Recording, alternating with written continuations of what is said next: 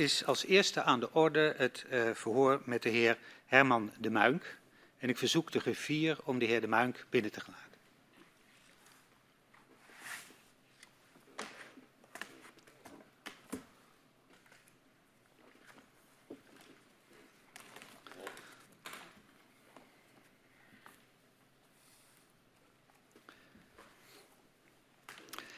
Goedemorgen. Van harte welkom, meneer De Muink. Hier in aanwezigheid van de parlementaire enquêtecommissie Aardgaswinning Groningen. 60 jaar gaswinning heeft Nederland veel gebracht, maar kent zeker voor gedupeerde schaduwkanten. De commissie onderzoekt hoe deze schaduwkanten hebben geleid tot het besluit de gaswinning in Groningen te stoppen. Wij willen weten hoe de besluitvorming op cruciale momenten is verlopen. Hoe werkten de publieke en private partijen samen bij de aardgaswinning we onderzoeken de aardbevingen en de ontwikkeling van kennis daarover, de afhandeling van schade die veroorzaakt wordt door de bevingen en het proces van het versterken van gebouwen in de provincie Groningen. Vandaag zal de commissie een aantal inwoners horen die goed weten wat het betekent om schade te hebben aan hun huis als gevolg van aardbevingen. Meneer Muink, eh, van harte welkom nogmaals. U uh, woont tegenwoordig in Drenthe, uh, en uw huis stond in Groningen en daar gaat u ons straks vast meer over vertellen. En u wordt gehoord als getuige. En dit verhoor vindt plaats onder Ede. U heeft gekozen de eed af te leggen dat u de gehele waarheid en niets dan de waarheid zal zeggen. En ik verzoek u om daarom te gaan staan.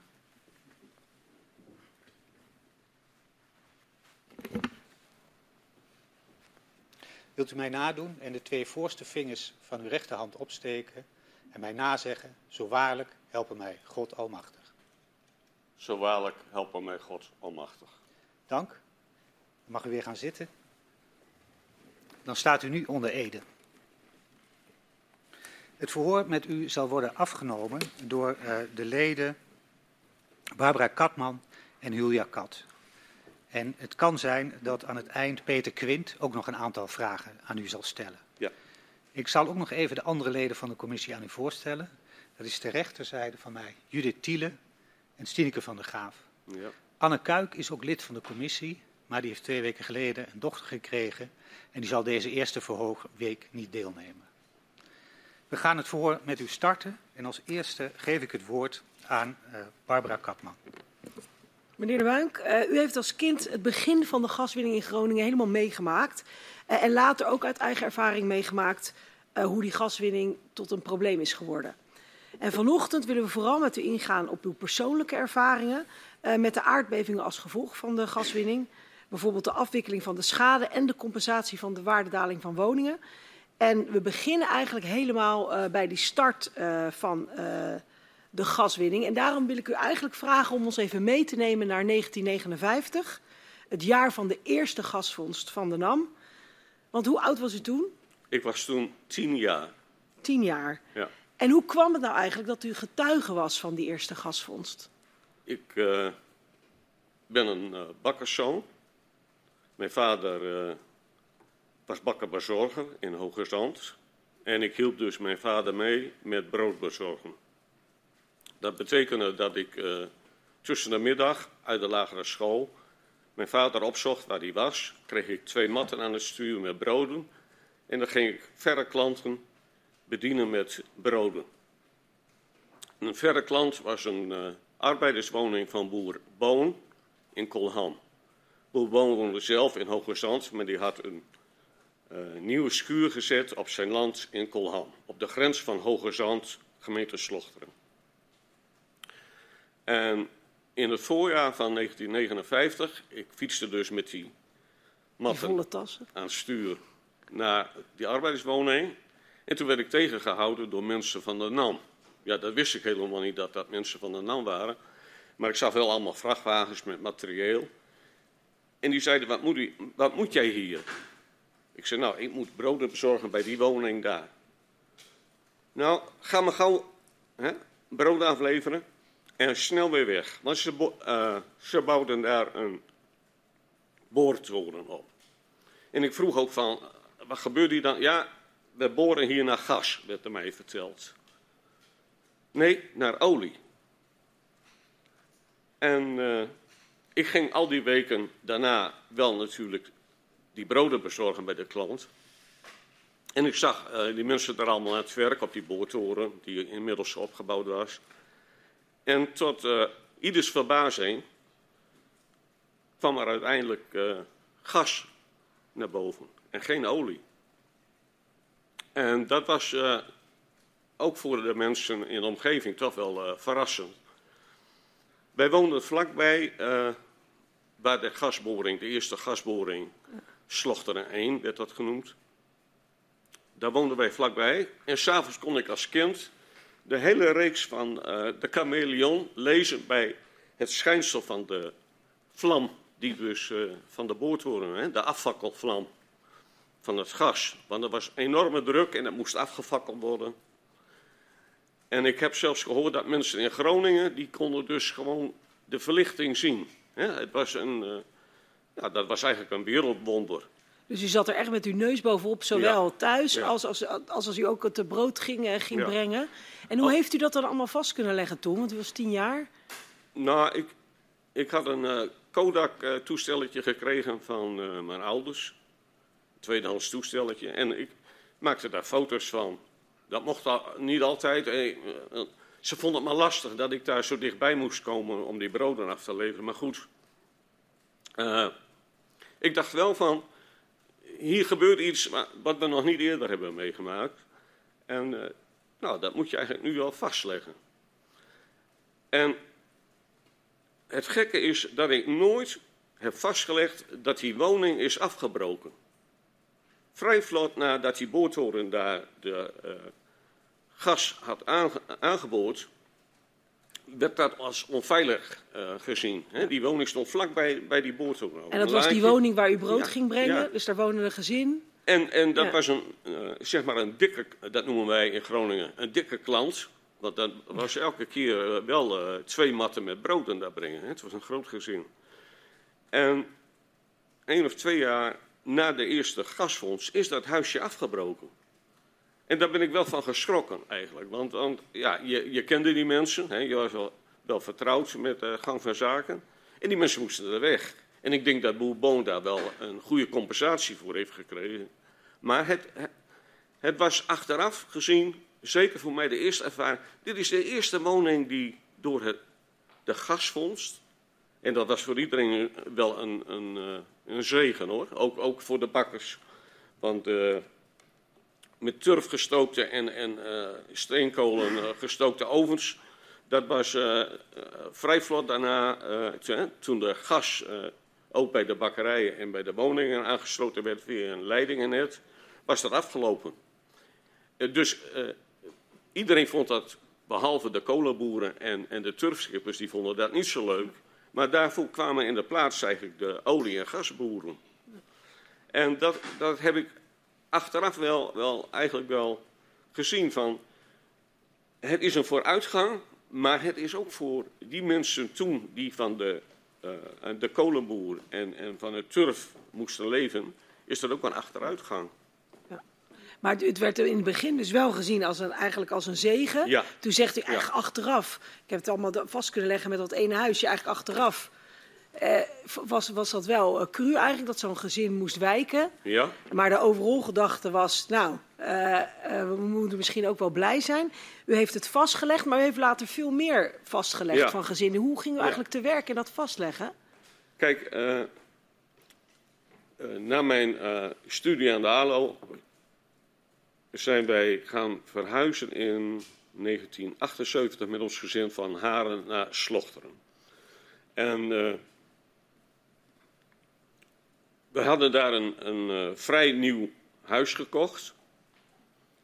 En dat, dat, dat ging allemaal voortreffelijk. Ons gezin is daar grootgebracht. Hè. We hebben daar 35 jaar gewoond. Maar ik kreeg uh, eigenlijk een beetje ja, het gevoel van: het gaat niet allemaal goed. Doordat ik uh, ook met dia's heel veel vastlegde in de omgeving. En bij boeren langskwam om, om nou, het hele, hele boerenleven vast te leggen. En dan gaf ik daar lezingen over. Hè, voor de landbouworganisaties in uh, gemeente Slochteren. En dan hoorde ik wel van die boeren van. De munk moest eens kijken. En dan moest ik even mee. En zei, wat je er wat van? Nou, ik, ik, heb, ik heb er geen verstand van, maar ik zie wel dat er scheuren in de muren van de grote boerderijen uh, kwamen. En dat sommige muren gingen uitwijken. En over welk jaar hebben we het dan? En dan heb ik het over de jaren uh, 1980 tot 1990. Ja. En toen was u dus aan het vastleggen ja, en met mensen aan het spreken? In die periode heb ik heel veel lezingen ook gehouden over het gebied. Over de gaswinning, want ik had ook intussen ook heel veel uh, dia's geschoten van uh, nieuwe leidingen die aangelegd werden. Van werkzaamheden van NACAP, van Henk Koop, want die moest dat leidingenwerk verzorgen. En die boeren hadden uh, op zich, als de, als leidingen door het land getrokken werden, helemaal geen klachten. Maar ze werden goed gecompenseerd door de NAM. He, dat, dat, was het niet. Alleen ze zagen wel dat aan hun uh, boerderijen de nodige schade ging ontstaan. En hoe keek men dan eigenlijk tegen die gasfonds aan? Want u zegt wel van toen in de jaren tachtig, toen, toen, was het ja, kom eens even kijken. Ja. Uh, hier zitten dan de scheuren. Maar hoe keek men nou tegen die gasfonds aan in Groningen? In, ja, die, die, gasfonds die, die werd natuurlijk wel gezien als. Uh, uh, ik denk niet dat er toen de tijd al pinautomaten bestonden, maar dat werd wel gezien als een pinautomaat. Ja. En van die pinautomaat, daar trokken de olieboeren en de staat uh, genoeg geld uit. Maar, maar de Groningers zelf, die merkten daar eigenlijk niets van. He, Groningen had wel, wel in die tijd nog een vreemijs. Die kwam op voor, voor, nou, voor de provincie, omdat er, ja, er ging steeds meer industrie verloren. De, de strookkartonindustrie verdween. alles trok toen al in die tijd naar het westen. Niet, niet, alleen werkgelegenheid, maar ook mensen die afgestudeerd waren in Groningen. Want, want, ja, die kwamen met hun studie veel beter in het westen aan de bak dan in Groningen. Dus er was wel iets van, ja, wij, wij zijn hier wel een beetje een gebied dat achtergesteld wordt. En wat krijgen wij nu terug van de gasvondst die hier in Groningen heeft plaatsgevonden? Dus dat, dat merkte je wel. Hè? Als je, ik kwam met heel veel mensen in gesprek. Ik heb uh, uh, bijna 40 jaar in Groningen in het voortgezet onderwijs. Dus je hoorde daar ook van collega's, hè, die, die waren ook uit de provincie. En ik kreeg toen al te maken met een collega, Nederlands, die woonde in Bedum. Die moest, uh, ja, op een gegeven moment, die had een oude boerderij gekocht, daaruit. Want dat was niet meer veilig. En dan komt het wel heel dichtbij. Dat, dat, hoorde je ook in de docentenkamer. Jongen, jongen, dat is niet best. Nou ja, uh, ruimhartige schadevergoeding werd er gezegd, al in die tijd. Nou, vergeet het maar. Ja. En dat, dat heeft, dat heeft uh, bij heel veel mensen toch wel in Groningen uh, kwaad bloed gezet. Omdat men eigenlijk niet gehoord is van wat is er gaande. En er komt nog iets bij. Ik had in die tijd via het onderwijs hadden wij af en toe wel ja, vergaderingen. En toen had ik contact met Meent van der Sluis uit Assen. En dat was eigenlijk de eerste man die dus als aardrijkskundeleraar... Ja, daar gaan we zo denk ik uitgebreid op, heel op goed, terugkomen. Dat wil ik ja. heel graag. Ja. ja. Ja. Want u vertelde net over die lerarenkamer waar u de, uh, uw leraar, een collega-leraar, dus problemen had met, met de gaswinning, ja. met de veiligheid. Um, wat waren uw eerste, uw eerste verhalen van mensen die zich zorgen maakten over de gaswinning? Nou, de eerste verhalen uh, hadden eigenlijk allemaal dezelfde strekking van. Dit overkomt ons en we hebben er niet om gevraagd. En wij verwachten nu dat uh, niet alleen de lusten door de NAM wordt gedragen, hè, want dat was dan degene die dat gas won maar ook de lasten.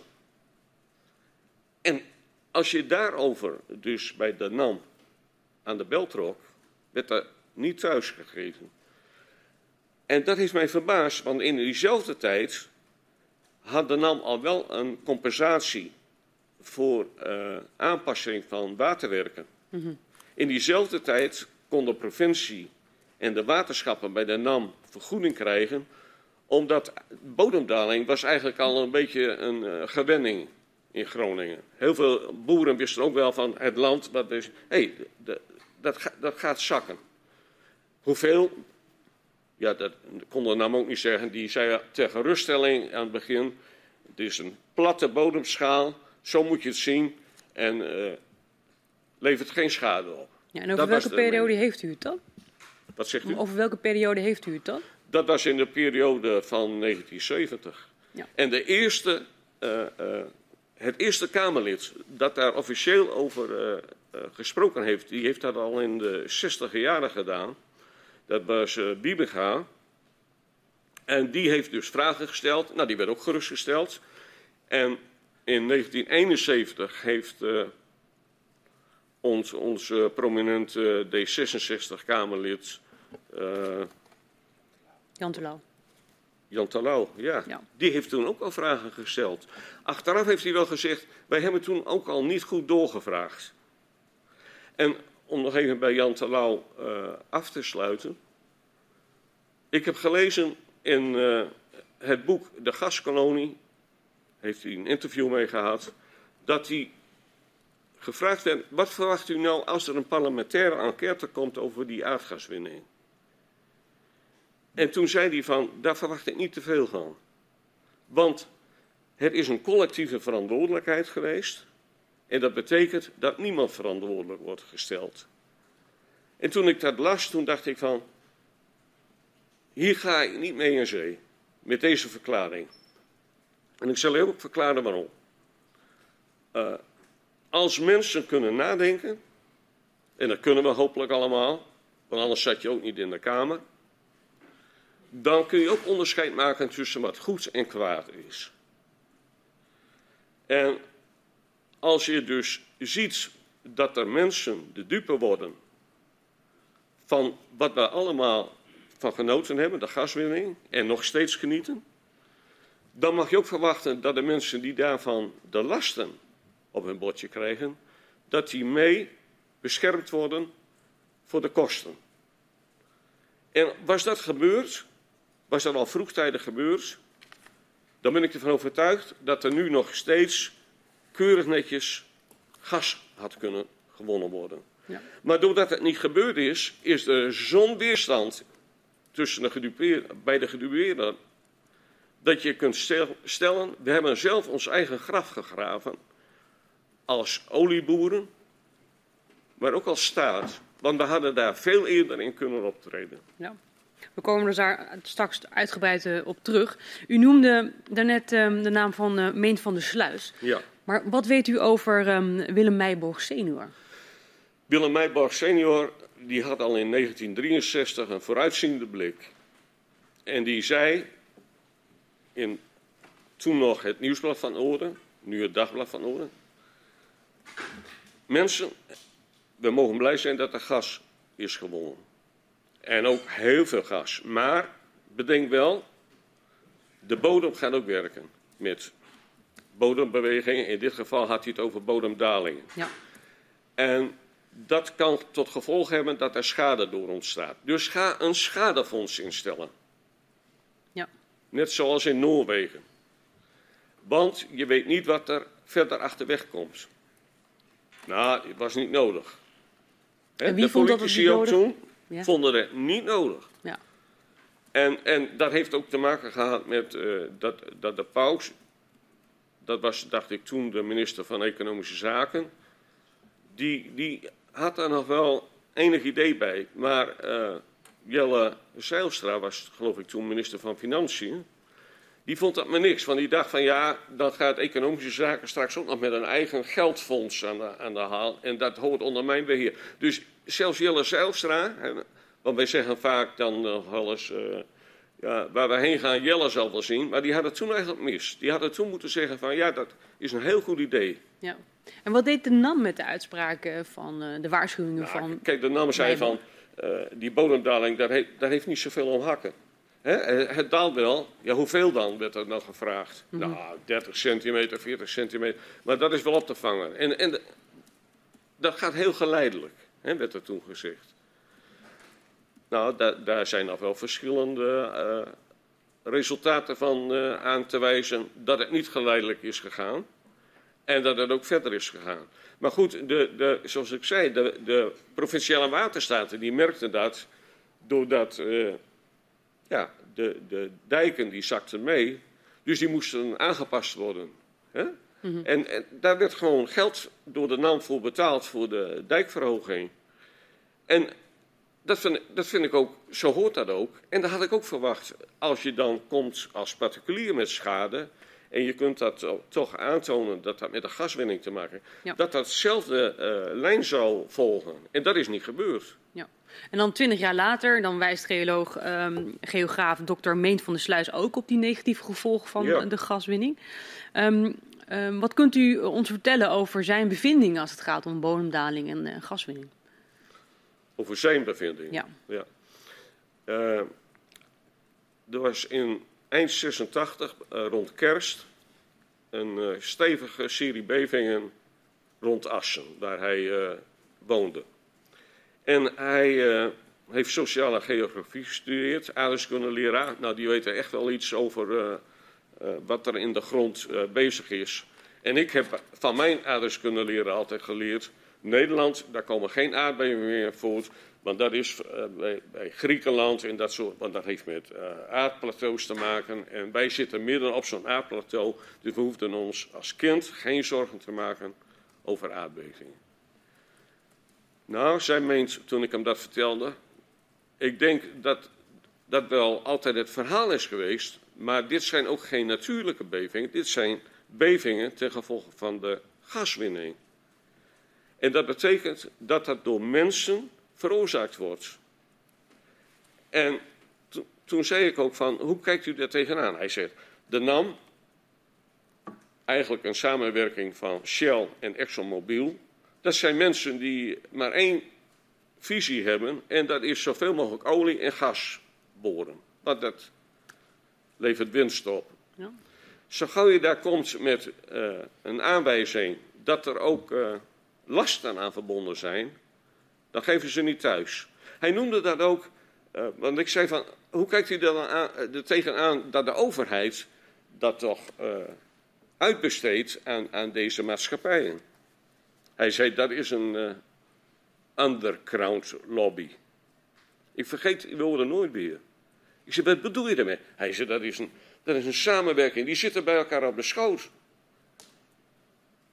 En daar kom ik niet doorheen. Hij zegt, ik, ik heb niet alleen met, met eh, de NAM als tegenstand te maken, maar ook met de overheid. Want die zeggen ook, jij bent een fantast. Hij zegt, maar ik laat me niet als fantast wegzetten. Want ik weet zeker dat ik eh, het bij het rechte eind heb. En dat, dat heeft hem altijd achtervolgd. Dat heeft hem zelfs zozeer achtervolgd. Ik, ik heb hem meerdere keren eh, ontmoet. Dat ik me- bemerkte, dit doet wat met een mens. Hè? Dat als, je, als jij geen gehoor krijgt voor wat jij beweert. Ja. En jij denkt dat je toch wel iets eh, zinnigs te vertellen hebt. Dan gaat het aan jou eh, kleven. Dat, dat- en dat heb ik ook gemerkt bij heel veel mensen die later eh, geconfronteerd werden met schade. En die zeggen, dit heeft wel zeker te maken met de gaswinning in onze omgeving. Maar wij worden niet gehoord. En dat is ook de, de, de, de stressfactor die heel veel mensen in Groningen op het ogenblik eh, bij zich dragen. En, en dat gaat mij aan het hart. Dan denk ik van, waarom is er niet geluisterd naar deskundigen als Willem Meijborg, Meen van der Sluis en zelfs in 2012, 2013 Jan de Jong, hè, eh, de, de opperman van staatstoezicht op de mijnen. Ja. Die praten toch zomaar niet even met een natte vinger van, we moeten echt de gaswinning op een veilige en verantwoorde manier proberen te regelen. Die gaswinning, die gasproductie, als dat een hoge gasproductie wordt in het jaar, dat levert alleen maar meer bevingen op. En hoe sneller die gasproductie gaat, hoe zwaarder die bevingen. Een hele logische kettingreactie. En dat daar dus door deskundigen van de NAM niet serieus op ingegaan is, ik begrijp het niet. Ik begrijp het niet als jij je zegt, we zijn een onderneming die maatschappelijk onderneemt, verantwoord onderneemt, dan ga je ook luisteren naar dit soort geluiden. Maar die geluiden die werden onder tafel geveegd. Dan wil ik even met u naar uw persoonlijke situatie. Ja. Want u heeft zelf ook de gevolgen ondervonden. U heeft eh, last gehad van schade aan uw woning. U heeft zelf, een- toen Ja. had u een jaren 60 woning als gevolg van gaswinning. Ehm, Wanneer had u zelf voor het eerst te maken met schade? Wij bemerkten uh, eind uh, 1980, dus begin 1990, dat uh, we hadden een, een herenhuis met een grote schoorsteen erop. De architect heeft dat waarschijnlijk in die tijd belangrijk gevonden, een zware stenen schoorsteen. En toen onze kinderen wat groter werden, toen vroegen ze ook van, mogen we ook op de, op de zolder een kamer? Nou, ik kwam daar wel, maar ik zei, nou, dan gaan we dat doen. Die jongens werden ouder. En, en toen bekeken we dat en zagen we dus dat die schoorsteen, die, die was eigenlijk helemaal losgescheurd van zijn plateau. Nou, we, toen we dat huis kochten was het niet zo. Dus we, we, dachten ook van, hoe bestaat dat? We hadden ook geen uh, tv Had u een idee van hoe bestaat dat? Hoe is dat zo gekomen? Nou, ja, want hoe, hoe is dat nou zo ja. gekomen? Hè, toen, toen, ik daar uh, over ging reclameren bij onze uh, verzekering, je hebt opstalverzekering, toen zei die man, ja, u heeft zeker een antenne aan de schoorsteen hangen. Ik zei, nee, dat is een vrijstaande schoorsteen. Nou, dan kom ik toch kijken, zegt hij. Toen zei hij van, ja, ik ben, ik ben ook al bij, bij een aantal boeren geweest in de omgeving. ik zou maar eens bij de NAM informeren of dat ook met de gaswinning te maken kan hebben. Want hij zei van, hij had het over, uh, ja, die, die stenen, dat is een zwaar gewicht boven een huis. En dat is de massa-traagheidswet. Ik zei, nou, bespaar me al die te technische termen. Ik ga bij de NAM vragen. Dus we hebben toen ook een, iemand gehad van de NAM. Die zei, nee, dat heeft niks met de, met de gaswinning te maken.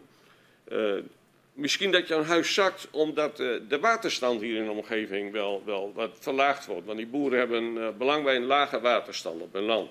Ik zeg, maar dat is toch raar, hè? Uh, we hebben dat nooit gehad. Maar goed, ik zei, hij zei, ja, dan moet u maar wachten dat er een storm komt. En dan gaat die schoorsteen wel door het dak. En dan kunt u bij de verzekering dat terugvragen. Ja, ik zeg maar, het gaat bij mij om veiligheid. Hè? Als, onze zoon hier straks een zolderkamer heeft, dan moet dat een veilige situatie zijn. Dus wij, wij knappen het zelf wel op. Klaar. Maar toen in 1993 de NAM toch op de proppen kwam van de aardgaswinning heeft wel tot, kan wel tot gevolg hebben, zo hebben ze het geformuleerd, tot lichte bevingen. Toen dacht ik, ja, drie jaar geleden, uh, toen wij aan de bel trokken, uh, was dat van geen belang. En dan wil ik nog heel even met terug dus naar drie jaar geleden. Dus u heeft een schoorsteen, die, nou, er zitten allemaal scheuren in, dus die moet ja. vervangen worden. De verzekeraar die zegt eigenlijk, nou, ja. wat, u, wat u net zei. Um, uh, maar de NAM die, die, die zei, ja, dat komt doordat, doordat die waterstand ja. um, zo laag is. Um, u komt dus nergens op dat moment heen met een schadeclaim. Nee. Dus dan staat u er en hoe was dat bij andere uh, omwonenden? Hoe, hoe ging... dat, dat, was van hetzelfde laken en pak. Hè? Uh, ook boeren die zeiden van, mijn schuur is altijd goed geweest en nu in één keer kunnen de baandendeuren niet meer goed open. Dat verzakt die achtergevel of, of de buitengevels die gaan uit elkaar. En dan gaat het gebind naar binnen zakken. Daar, daar kan ik heen met die schade. Nou, dan, zelfs boeren die, die bij het waterschap dus een vooraanstaande positie hadden, ik heb ze wel geconfronteerd met de uitspraak van ja, maar dat heeft te maken, je moet ook bij het waterschap zijn, die, die, die waterstand moet omhoog. Die zei, dat, dat is flauwekul, we hebben die waterstand hebben we altijd al jaren zo op dit pijl. Dus dat, dat, dat is flauwekul. Nou, maar, ik zei, maar dan, dan deze... kan er maar één weg zijn, dan moet u toch naar de NAM toe. Ja. Maar, dat, maar ja, dit, want ik kan me voorstellen, want het is natuurlijk best bizar dat eigenlijk toen al een verzekeraar zei, nou, kan volgens mij maar één reden hebben. Had iedereen daar dezelfde last van? Dus eerst naar de verzekeraar die eigenlijk toen al zei tegen de boeren met de schuren of tegen u, uh, kan maar één reden zijn en dat is. Ja, dat is eigenlijk ten gevolge van de gaswinning met bodembeweging. Ja. ja. En toen dus in 1993, u refereerde net al even aan, dan komt de NAM voor het eerst naar buiten. Ja. Dan, dan, geeft ze voor het eerst een verklaring van er is toch een mogelijk verband ja. Tussen gaswinning en zeer lichte aardbevingen. Wat vond u van deze verklaring? Ik weet nog dat ik dacht van, hè Eindelijk komen ze uh, uh, met water voor de dokter. Ja. En toen ik dat uh, op mij had laten inwerken, toen speelde er nog iets. Want in 1993 was er in Slochteren, Slochteren stond op stelten. Waarom? Henk Koop had een lumineus idee.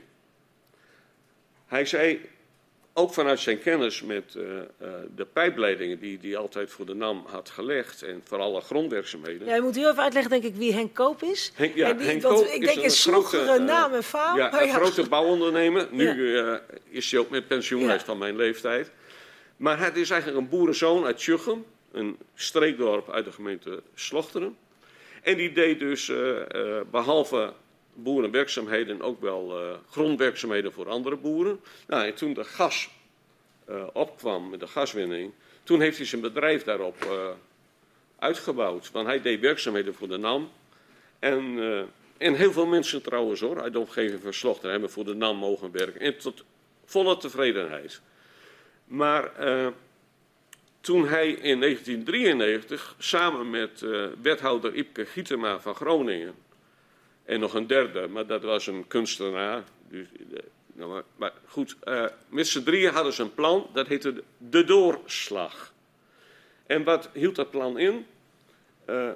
Dat gebied tussen Groningen, Winschoten en Delfzijl, zo'n driehoek, dat noemen wij dan Midden-Groningen, dat gaat door die gaswinning zo naar beneden. We kunnen dat heel snel omzetten tot een mooi groot meer. We steken gewoon de dijken bij het Eemskanaal door en het water loopt vanzelf dat gebied in en dan hebben we een prachtig groot meer. We kopen de mensen, want dit was dun eh, bewoond, hè, dat gebied. En de boeren die daar werken, die kopen we uit. En aan de randen van het grote meer gaan we prachtige mooie woningen bouwen. Want de trend was dat de oud-Groningers die in het westen waren gaan werken, dat die toch weer dichter naar hun eh, kinderen en kleinkinderen wilden. En daar zouden nou mooie woningen voor aan de rand van het grote Woldmeer, Woldsmeer, hè, zo heette dat in dat plan, zouden daar kunnen gaan wonen. En toen ik dat las in die zomer van 93, wij waren op vakantie op de Schelling, ik weet het nog, toen dacht ik, ja, hallo, ik, ik ken al die mensen die daar wonen, dat moet opstand leveren. Hè? Maar goed, eh, toen had ik het plan van, hier, hier moeten wij, ik dacht eerst van de gemeente gaat hier wel een, eh, een, eh, een opening aan geven van, we, gaan- we gaan dit dus bespreken. Maar bij de gemeente kreeg ik niet thuis. En toen dacht ik van, nou ga ik zelf een forum organiseren. Dus in 93. Ja, in november 93 heb ik een forum georganiseerd Ja. over de gaswinning en de gevolgen daarvan. Ja. En ook daarbij- naar aanleiding van die verklaring van de naar NAM. aanleiding ook van Ja. eh, ja, het eh, plan dat voorlag Ja. van Henk Koop. En, ik dacht En dus van, uw buurtgenoot die er een groot meer van het hele gebied wil maken. Omdat Ja. en zo eigenlijk de, de toekomst voor Groningen wil herbezien. Dus ik dacht van, dan, dan nodig ik nu de eh, huidige directeur uit van de NAM. Want die zal daar ongetwijfeld iets zinnigs over kunnen zeggen. En ik nodig onze burgemeester uit. Nou, beide gaven niet thuis. Dat kan ik u verzekeren. Ik werd nog wel door de naam gezegd. Het is wel leuk voor een leefbaarheidsproject. Als jij dat wilt doen, dan kun je bij Hoge Zand, onze afdeling daar, kun je een subsidie aanvragen. Omdat zo'n forumavond dat gaat geld kosten. Dus daar kun jij een subsidie voor krijgen. Ik En denk, waarom wilden ze dat zelf niet praten over de toekomst van Groningen dan, denkt u? Ja. Ik, ik denk Waarom dat, was dat, denkt u, dat, dat ze dat zelf niet wisten? U kon wel subsidie aanvragen voor de avond bij de NAM, maar ze wilden niet meespreken. Ja. Toen dacht ik wel van, nou, dat doe ik wel. Eh, want ik denk dat, dat er allemaal charme-offensieven zijn. Want ik zag om me heen al dat dorpen ook wel voor bepaalde projecten van de NAM eh, geld kregen voor mooie speeltuintjes aanleggen en dat soort dingen. Ik denk van, dat, het beeld kwam bij mij op, laat ik het zo maar zeggen. Eh, de zendeling die naar eh, Nieuw-Guinea ging met kraaltjes en, en met spiegeltjes. En ik dacht van, dat wil ik toch natrekken, of dat klopt. Of mijn beeld klopt. En nou, ik, ik kreeg 500 gulden toegezegd, want ik, ik zei, dit gaan we doen. Ik ga een grote zaal huren en ik ga eh, gerenommeerde sprekers uitnodigen. Daar, ga ik, daar zal ik wel voor zorgen. De directeur van de NAM wil niets, onze burgemeester wil niets. Maar dan ga ik dus Henk Koop vragen, want die weet er ook ge- genoeg van. En toen was eh, eh, Herman van Beek, parlementariër voor het Europarlement. Dat was eigenlijk de, de man uit Groningen. Die had het over duurzame en circulaire landbouw. En dat vond ik ook heel interessant, want ik dacht ook van. die intensieve landbouw, dat, dat gaat zo verkeerd. Dus dat hoorde je ook van boeren in Slochteren. Ik denk van, als ik die twee dan te pakken kan krijgen als spreker, dat wordt ook interessant. En dat is gelukt. En die avond, nou, ik had nog een grotere zaal moeten huren. Want het leefde heel goed. Maar de burgemeester die zei in die tijd al van, de Mank, uh, jij maakt ons, onze gemeente zwart met dat, met dat forumavond. Ik zei, hoe bedoelt u? Hij zei, wij zijn dikke vrienden met de NAM. Weet u wel hoeveel geld er in de kast stroomt van de NAM aan WOZ-waarde van de 16 boorlocaties die wij in de gemeente hebben? Dat is 450.000 gulden per jaar. En dat was nog een guldentijd. Dat, uh, daarom werk ik niet mee. Bij, bij, ja, ik zeg, het, het gaat mij niet om of, of uh, u goed uh, geldbeurt van de NAM. Het gaat mij erom dat wij als bewoners ook iets te zeggen krijgen over hoe willen wij in deze omgeving verder. Want ik zie overal om mij heen mensen die, die met schadegevallen te maken hebben. Daar moet iets aan gedaan worden. Dus u zag eigenlijk toen dat, dat, dat, dat het bestuur of de lokale overheid eigenlijk tegen u zei... nou, beter houden onze mond, ja.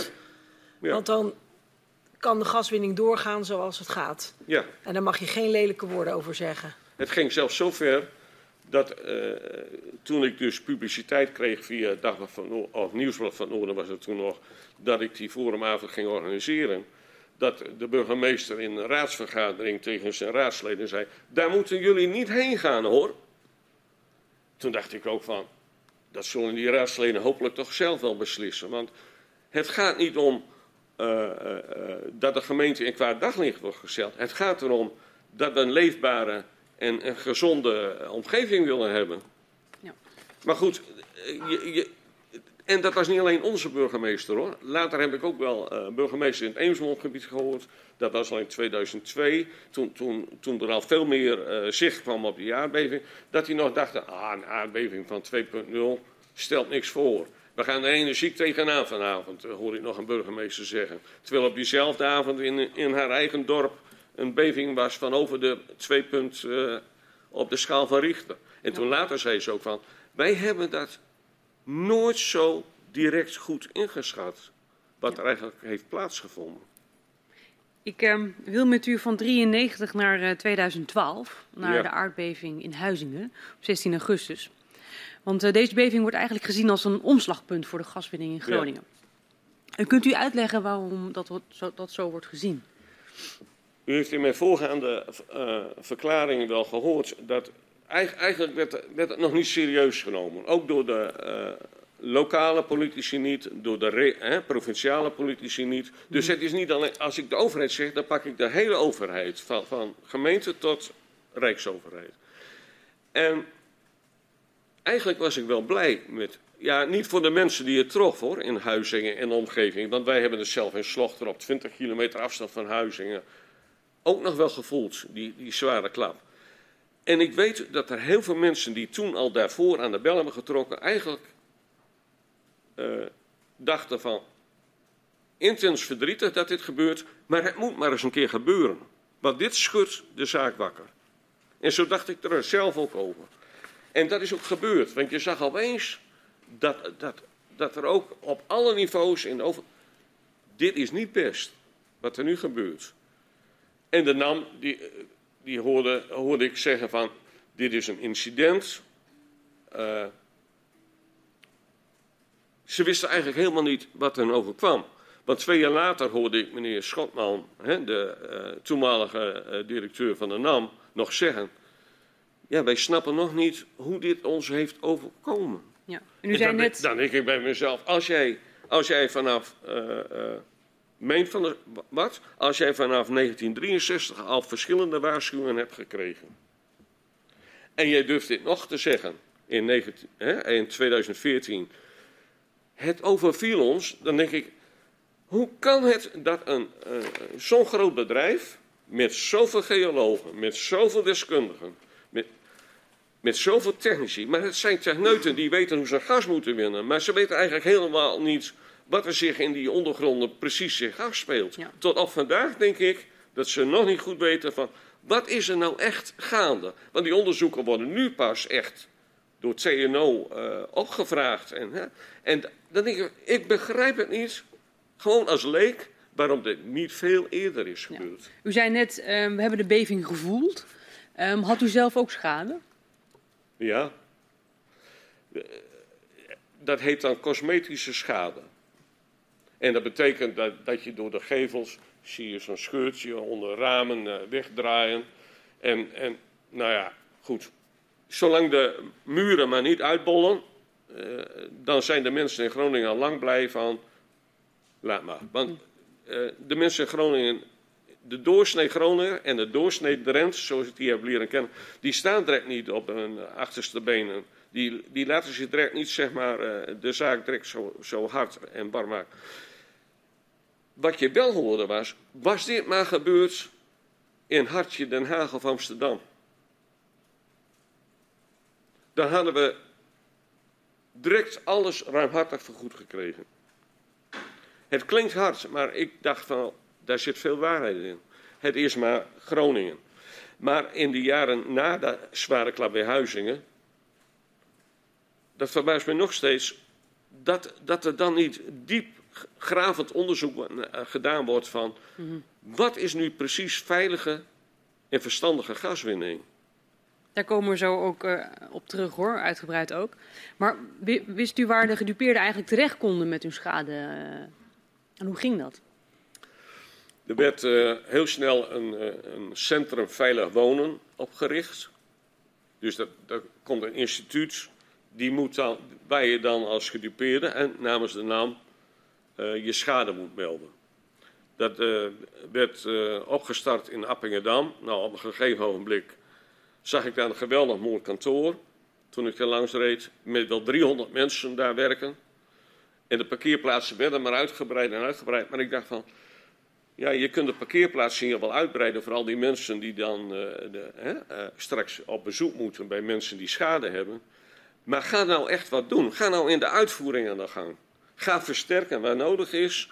En ga, ga schade herstellen waar dat nodig is.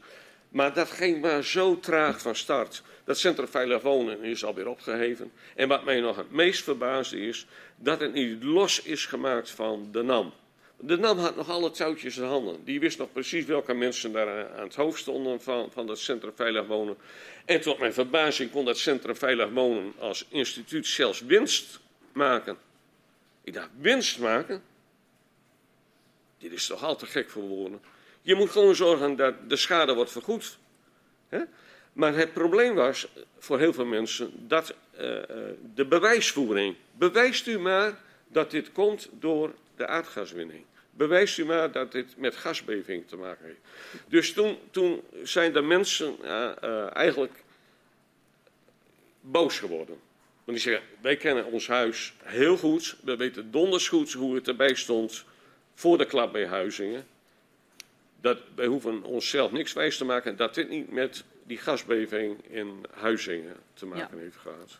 Maar, maar vanuit die schade, um, waar konden mensen dan terecht qua gevoelens van, van veiligheid? En als ze hulp nodig hadden op dat gebied?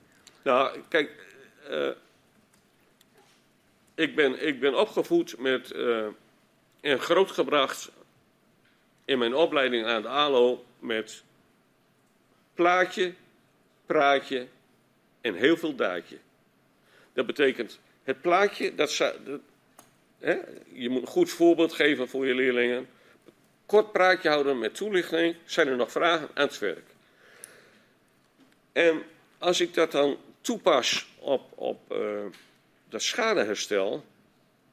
En waar je met je veiligheidsgevoel naartoe komt.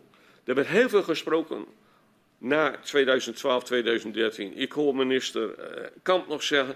De veiligheid van de Groningen staat bij mij voorop. En dan denk je van, dat is het plaatje.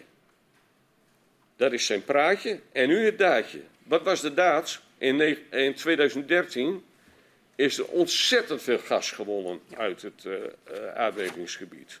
54 miljard kuub gas.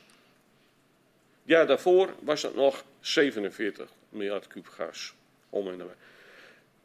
En dan denk je van, als jij zegt als eindverantwoordelijke, veiligheid staat voorop, en je laat dit voorbeeld zien in 2013,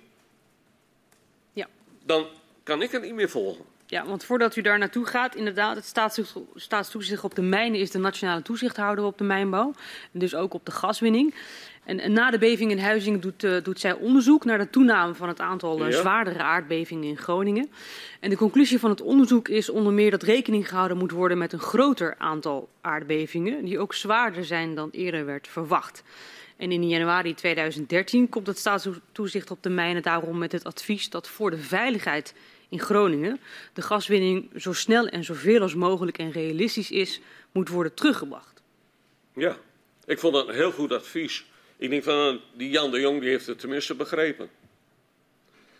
En dan verbaast het mij dat zo'n uh, dwingend advies van staatstoezicht op de mijnen, dus de toezichthouder op de gaswinning in die tijd, dat de minister dat naast zich neerlegt en zegt nee, ik heb betere adviezen. En dan zeg ik, van, dan zeg ik gewoon als nee, van wie heeft u die adviezen dan dat het wel rustig door gewonnen kan worden? En ik had wel een vermoeden, maar je kunt het, je kunt het niet bewijzen. Hè? Maar ik dacht van, ja, die, die, die, uh, nou ja, die olies en wat, wat Meen van der Sluis al zei, daar kom je niet doorheen, Herman. Uh, het is een, een, een een, verstandshuwelijk. En met een verstandshuwelijk kom jij niet doorheen. Is een verstandshuwelijk tussen uh, uh, economische zaken en, en de gaswiners. En die, die zitten bij elkaar op de schoot. En toen dacht ik, daar heeft Jan de Jong ook mee te maken. En toen ging ik eens wat koekelen en toen las ik dat Jan de Jong, die komt eigenlijk uit die wereld van Shell.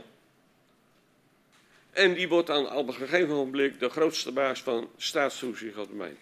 Dan moet hij met een hele andere pet op daarnaar kijken. En hij doet dat toch wel met zijn deskundigheid. En als zo'n man al zegt van, er moet drastisch nu vermindering van de gasproductie plaatsvinden. En daar wordt niet naar geluisterd. Integendeel, er wordt nog veel meer gewonnen in dat jaar. En in dat jaar dat kunt u ook zien bij de uh, uh, tabellen van de KNMI. Dat jaar hebben er 127 gasbevingen in het Groningen gasveld plaatsgevonden. Dat is het grootste aantal in die jaren. Dat er dan nog geen alarmbellen zijn afgegaan bij de verantwoordelijken, ik snap het niet. Ja, want, want het, advies was gericht aan de minister van Economische Zaken. Wat had u verwacht wat er met dat advies zou gebeuren? Dat direct opvolgen, onmiddellijk, en in afwachting daarvan verder onderzoek plegen. Maar wat is er gedaan? Meer gas gewonnen en tegelijk zeggen, maar ik ga ook 13 onderzoeken uitzetten. Onder andere naar veiligheid. Nou, dat, dat heeft de minister geweten hè, in 2015. Dat rapport van uh, uh, Raad van uh, Veiligheid, dat loog er niet om. En wat, wat, deed dat toen al met het gevoel van veiligheid in Groningen? Toen, ik, toen dat ik had heel het gevoel van triomf. Ik had meer gevoel van verdriet om de gang van zaken. Want dit had voorkomen kunnen worden. Echt, dit had voorkomen kunnen worden. Maar dan moet je wel willen luisteren naar andere geluiden dan dat jij gewend bent te horen. Ja. En u zei eerder zelf al, ik, uh, de jongens werden ouder, die gingen naar de zolder. Toen ja. gingen eigenlijk die schoorsteen uh, scheuren. Nou, ja, dat gevoel van veiligheid is dan weg. Opgezet. Na die beving in Huizingen komen er veel meer schadegevallen. U zei net ook al, dat, dat zag je ook in de omgeving. Wat, wat deed dat nou met het gevoel van veiligheid? En konden mensen met dat gevoel van onveiligheid ergens heen? Nou... Uh, Los van de schadeclaims dus, waar gewoon de... Een mens wil in een veilig huis wonen. Dat is de basis. Uh, ik moet altijd nog wel lachen om, om, een, om een Kamerlid. Die, die heeft gezegd: In gelul kun je niet wonen. In een onveilig huis kun je ook niet wonen. En dat bedoelde hij in feite. Hè? ook nog een bakkerszoon. Dat vond ik ook wel leuk. Dat, ik denk van, die man die praat niet met meel in de mond. Die zegt precies waar het op staat. Ja. En zo moeten we dat met elkaar doen. Ik had verwacht dat de NAM had gezegd, en, en zeker de minister van Economische Zaken, beste mensen in Groningen, we hebben een probleem. We hebben gezamenlijk een groot probleem. Daar draai ik niet omheen. Hoe gaan we dat netjes met elkaar oplossen? En ik schakel de mensen uit de provincie Groningen zelf bij in. Als je nu ziet dat een dorp Krewits, dat is een dorpsgemeenschap, een prachtig mooi oud Gronings dorp. Daar heeft de bevolking al in, in 2016 gezegd: wij slaan de handen ineen. Wij wachten niet langer meer op dat er nog. Uh, wij gaan zelf aan de slag. We maken een plan. Hoe gaan we ons dorp versterken met alle mooie oude huisjes en kerkjes? Ja? En daar hebben ze zich met enthousiasme en met verven aan. Hoeft niet veel te kosten, we gaan beginnen. Dat plan is getorpedeerd. Ze hebben geen poot aan de grond gekregen. Dan denk ik van, hoe bestaat het dat je niet de, de burgers waar het om gaat uiteindelijk, hè, de, de politiek, daar gaat toch over burgers. Dat je die er niet bij betrekt en dat je die niet gehoor geeft en zegt van, geweldig dat jullie met dit idee komen. Daar krijg je geld voor, daar, dat, daar gaan we achter staan en jullie gaan zelf daarmee aan de slag. Jullie gaan zelf met aannemers aan de slag. Dat had moeten gebeuren. en dan wil ik nog even met u naar ook een ander onderdeel van het probleem. Dat is niet alleen de schade en de versterking die op gang moet komen, maar ook de waardevermindering van wonen, van woningen. Ja. Uh, uh, want u zet zelf ook in 2013 uw woning in Slochteren ja. uh, te koop. Hoe liep die verkoop van die woning? Ik ging in 2012 met uh, pensioen. Ik had 40 dienstjaren erop zitten. Ik was 63 jaar oud. Ik zei tegen mijn vrouw: We gaan ons niet laten gijzelen door de uh, gasbevingen, gasellende. Wij woonden ook met plezier in Slochteren. We zijn niet om die bevingen weggegaan in Slochteren. Maar als je een nieuwe levensfase ingaat, ga je gewoon eens even tellen van... Nou, wat, wat wil ik eigenlijk nog wel graag doen? We hadden twee kinderen in uh, Zuid-Laren wonen met een gezin.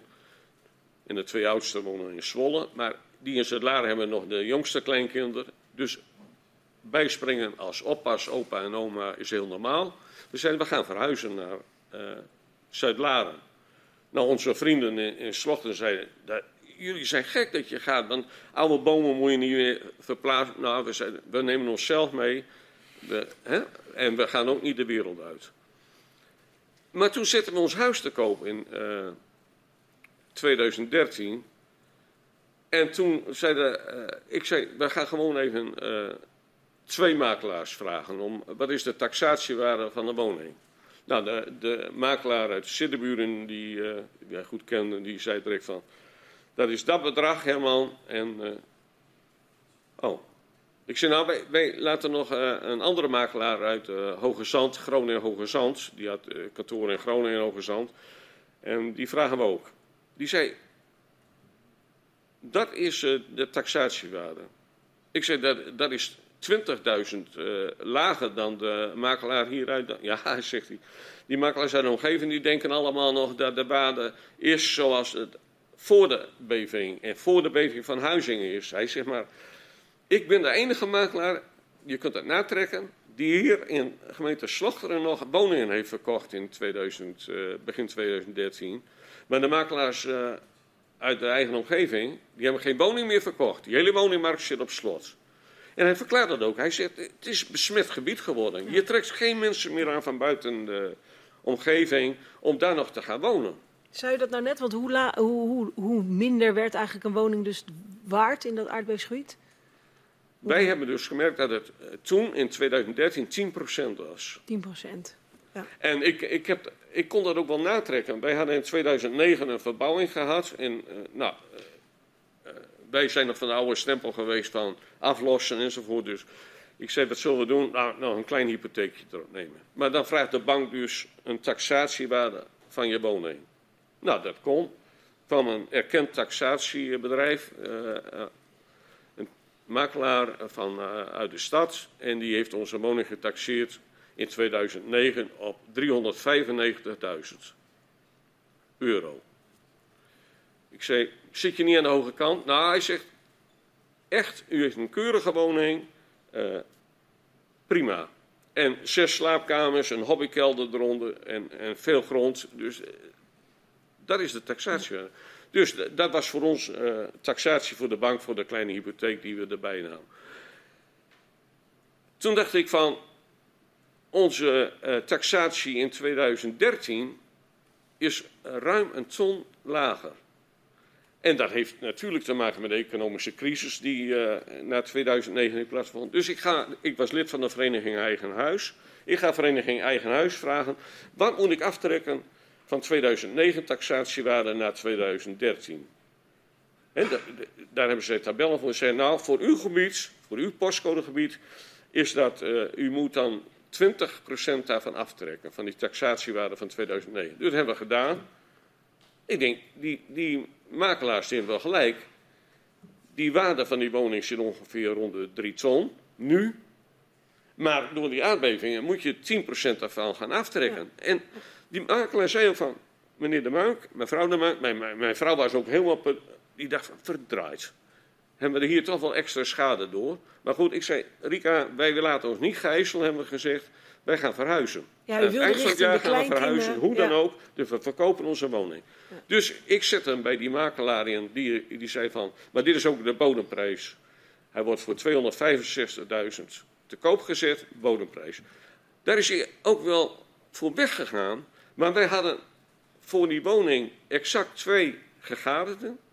En we hadden geluk dat één stel, die had zelf een woning in Winschoten verkocht. En die wilde per, se terug naar Slochten. Waarom? Die hadden daar ouders wonen, die pasten op hun kinderen. En toen zij nog in Winschoten woonden, moesten die ouders altijd naar Winschoten toe. En die zeiden, wij, wij hebben hier al heel veel huizen bekeken en wij willen toch jullie woning. Want daar, ja, heel veel huizen, daar, daar markeerde dan, bij jullie woning is dat nog nou, vrij goede tijd. Dus gelukkig kon, kon u verkopen nog wel met... En wij konden er ook wel dragen. Hè? Ik bedoel, als, als je in je huis hebt afgelopen. Maar toen ging er bij mij een lampje branden van... hoeveel mensen zullen wel niet in dit gebied... met hun woningen ver onder water zitten. En die misschien moeten verhuizen, jonge mensen, voor hun werk. Daar had ik mee te doen. Want ik zei, moet je nagaan, Rika, mijn vrouw, hè, die heet Rika... dat die mensen dus eigenlijk niet... Die, die zijn vastgeknopt. Die kunnen nergens meer Wat heen. kregen u en die mensen compensatie? De NAM heeft. Uh, uh, ik, ik heb toen uh, gezegd. Ik heb bij de NAM aangeklopt. Hier moet een compensatie voor komen. Voor, voor deze waardevermindering. Al is het niet voor ons, dan doe ik het voor anderen. Want dit kan niet. En de NAM heeft er hier natuurlijk ook wel over nagedacht. En toen is er een. een een deskundige uit Nederland. Die is aangetrokken door de naam. Professor Hordijk uit Tilburg. Die heeft een commissie gevormd. En dat was in 2014. Toen was de dialoogtafel net opgezet, opgestart. En die zou dus voor de NAM dit gaan onderzoeken. Nou, ons, ons voorbeeld uit Slochteren uh, werd naar voren gehaald. En een woning uit Loppersum, ook een zwaar getroffen gebied. En de beide uh, eigenaren zijn dus door de commissie Hordijk gehoord in Groningen. En toen zei ik tegen Hordijk na dat gesprek, ik verwacht wel dat ik een rapport krijg, want ik werk hier aan mee. Met, hè? En de anderen uit Wappers, ja zeker, zegt Hordijk, uh, wij zijn hartstikke blij dat jullie uh, hier aan meedoen. En jullie krijgen dus, als het eindrapport opgemaakt is, dat rapport erin zagen. Toen was het eind 2014 ik zit in Rika, hebben nog geen rapport van Hordijk gehad. Ik ga er eens even achteraan bellen. En hij had ook onze woning nog uh, in dat weekend dat hij dus in Groningen was bekeken. Hij is er langs gereden. Ik zei, wij wonen er niet meer en we hebben verkocht, maar u kunt dat rustig aanbellen, want die mensen willen u ook wel toe. En uh, ik heb hem gebeld. Ik zei, we hebben dat rapport nog niet gekregen. Dat was toegezegd. En u heeft het al wel in de dialoogtafel gebracht, want daar had ik gehoord. Hij zegt, u moet even met de NAM praten, want de NAM is mijn opdrachtgever. Dan uh, krijg je het rapport wel. Dus ik heb de uh, NAM gebeld en zeg, ik krijg uh, dit van de professor Hordijk te horen. Ik wil graag dat rapport. Nee, ze van NAM, dat krijgt u niet. Ik zeg, waarom niet? Ik heb eraan meegewerkt. Nee, dan moet u bij de dialoogtafel zijn. Dus ik heb de heer Kammerga en uh, Wallagen netjes geschreven. Dit is het geval en u heeft dus dat rapport. Ja, maar wij mogen daar niet over publiceren. Ik zeg maar, een dialoogtafel moet toch een open tafel zijn? en wij hebben daar als, aan meegewerkt. Ik wil graag het rapport. Ja, maar. Ja. Nou, het einde van het liedje is. De dialoogtafel werd uh, 2015 opgeheven, want ze zagen het niet meer zitten. De beide heren ook niet meer. En die zeiden van, nou, dan moeten de gedupeerden maar uh, zich melden bij de rechter. Dat was letterlijk wat Jacques Ballager zei. En ik heb dat rapport nooit gezien. Maar toen had ik al wel door van. Dit rapport bevat dus al wel uh, aanbevelingen van uh, professor Hordijk. die niet in het straatje van de NAM passen. Want u mocht een rapport met uw eigen gegevens eigenlijk. En u was voorbeeldcasus. Ja, ik wist ook wel wat, wat, wat, er gaande was. En dan was er wel nog ook de Stichting Waardevermindering door Aardbevingen Groningen. Dus de WAG hmm. uh, afgekort. die zette zich ook in voor compensatie van waardevermindering door de NAM. Ja, ik vind dat een hele, hele goede club. Wat deed die goede club? Ja, dit is een stichting eigenlijk. Hè? Maar dat waren dus ook, uh, Lolke Wegenaar is daar de oud-voorzitter van. En dat waren ook mensen die gedupeerd waren. En die zeiden, uh, we moeten maar ons gaan verenigen. Want, want uh, alleen als individuele burger maak je geen vuist tegen, nou, tegen de juristen van de Shell. Dus we, gaan ons uh, verenigen. We gaan een stichting uh, oprichten. We leggen als gedupeerden allemaal 100 euro in. Nou, toen was er binnen een kortste tijd waren er al 4000 leden. Hè, van, van mensen die in hetzelfde schuitje zaten. En dan had je dus een startkapitaal van 40.000 euro. Nou, daar konden wij uh, als stichting een, een goede advocaat voor inhuren. En de strijd ging aan via de Stichting Wacht met de NAM. Nou, dat is voor de rechtbank geweest in Assen. Rechtbank-uitspraak was: uh, NAM, u, moet, u, zult daaraan uh, aan moeten geloven, want uh, Stichting Wacht werd in het gelijk gesteld dat er wel degelijk waardevermindering was. Nou, dan, dan gaat de NAM, ja, dan gaan de advocaten van Shell hoor, die gaan dan automatisch in hoger beroep. Alleen maar traineren, traineren, traineren. Ontmoedigen heet dat. Maar uh, gelukkig gingen er nog meer mensen zich aanmelden. Nou, die moesten toen een inleg van 150 euro betalen, maar die hadden ook wel door van. Hè? En dat vind ik ook heel terecht. Want uh, de deken van de advocatuur. Ik denk dat, dat de Shell-advocaat uh, hebben gezegd: dit kan niet. Dat, die advocaat die wordt betaald door mensen die alleen niet kunnen procederen.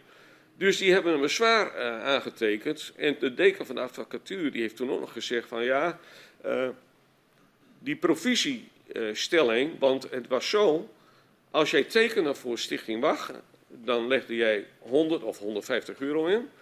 En zouden wij dan gelijk krijgen en daarvoor schadevergoeding krijgen, dan moest je nog anderhalf procent van het schadebedrag in de kast storten van Bach. Want ja, die, adv die, advocaten die kosten ook geld uiteraard, die de Bach inhuren. Nou, ik vond dat een heel, heel, heel goed idee. Want dan kun je nog een keer procederen als, als nou, niet, hè, niet uh, sterk gevulde portemonnee burger. Maar het, dat, dus dat, dat, dat, dat niet mocht, nou, dat, daar heb ik mij over verbaasd. Want de, de, de, uitspraak was wel ja, eigenlijk kan het niet zoals die constructie is. Maar gelukkig, Stichting Wacht heeft volgehouden. En wat is uiteindelijk daarvan het resultaat geweest?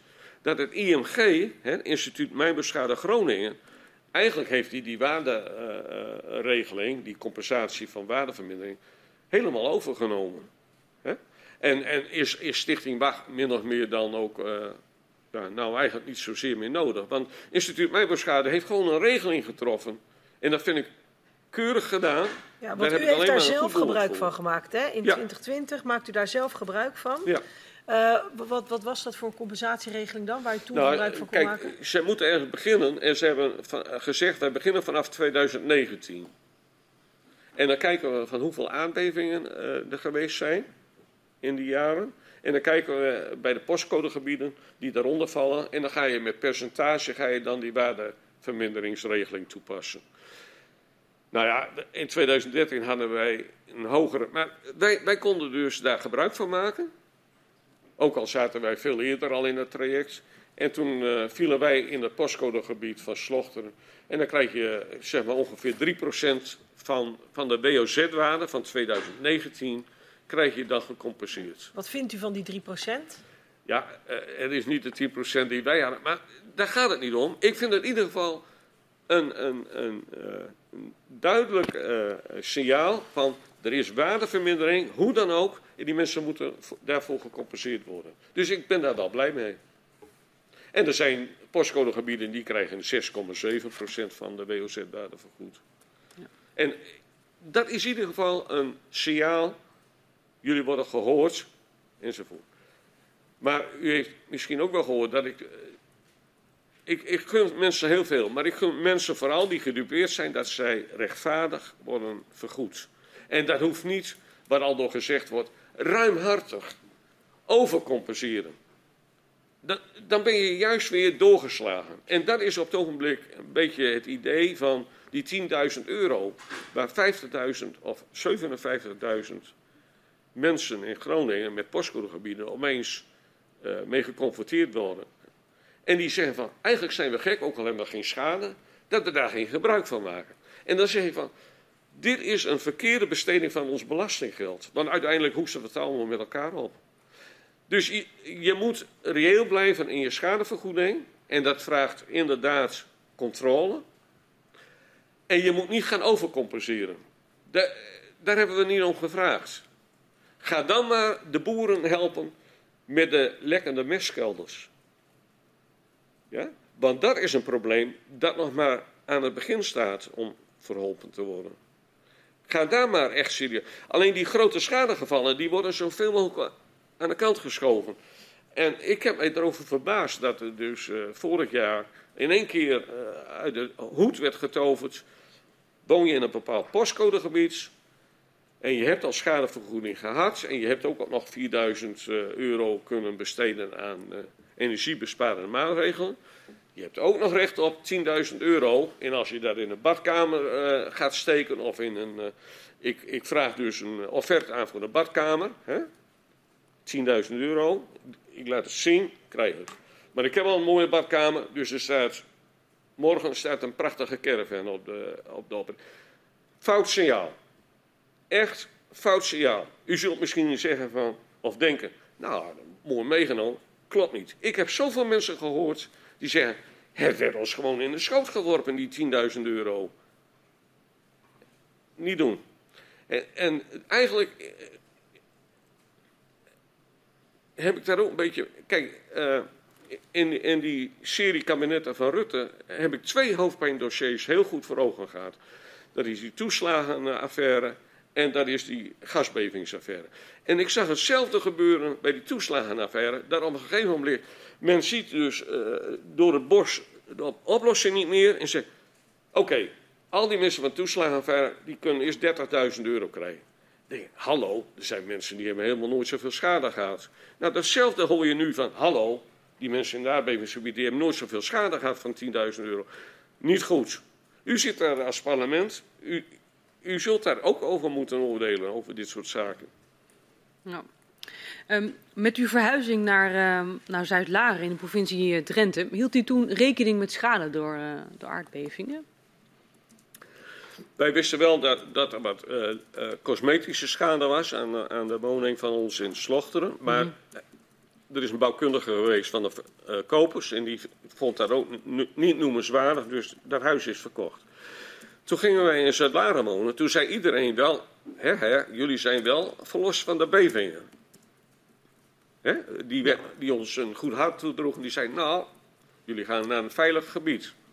Nou, ik zei, ook in, uh, rond uh, Zuid-Laren, uh, bij Annen, is ook een groot, dat noemen ze een klein gasveld, maar dat is het grootste van de kleine gasvelden in Nederland. Dus dat, eh, dat ligt uh, op, op vier uh, kilometer van onze woning vandaan. Dus dat, dat is nog met de vraag of dat allemaal goed gaat. Maar goed, wij zijn in 2014 gaan verhuizen. En in 2016, rond kerst, was er een enorme knal in onze woonomgeving. En wij dachten van, nou, dat, dat, is, dat is nog een, bommetje van, van oud en nieuw. Maar dat bleek dus de energie ontlading te zijn van een uh, vrij zware beving uit de gasput aan de veen.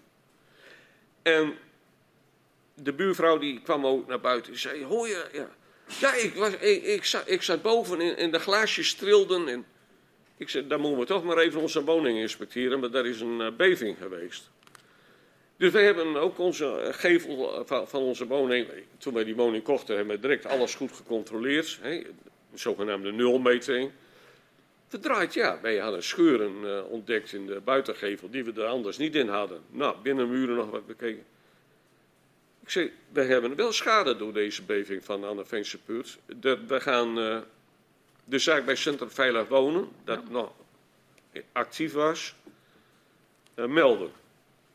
Dus de buurt, hè, met onze ervaring van Slochteren geactiveerd, jullie moeten dat melden. Want nou, er was een buurman die riep mij erbij verderop van boven de schoorsteen tot onder in de kelder volledig gescheurd. En de, nou, dat kwam hem ook helemaal niet goed uit, want hij wou eigenlijk verhuizen naar Gasselte. En hij zei, wat moet ik hiermee aan? Ik zei, jongen, ook melden bij Centrum Veilig Wonen. Maar wij moeten de buurt veel verder waarschuwen, want dat was nog nooit voorgekomen eigenlijk. Hè? Ja. En ik heb toen uh, op eigen houtje verschillende mensen geactiveerd om die schade te melden. Nou, dan, dan, toen heb ik pas gemerkt hoe hoe in feite de Groningers al, al jaren aan het lijntje zijn getrokken. Want wij kregen uiteindelijk via de NAM een inspectiebureau Witteveen en Bos uit Deventer. En die kwamen dus, uh, uh, al die schade, er waren 358 schademeldingen uiteindelijk, uit Zuidlaren en Annen. Die kwam daar inspecteren.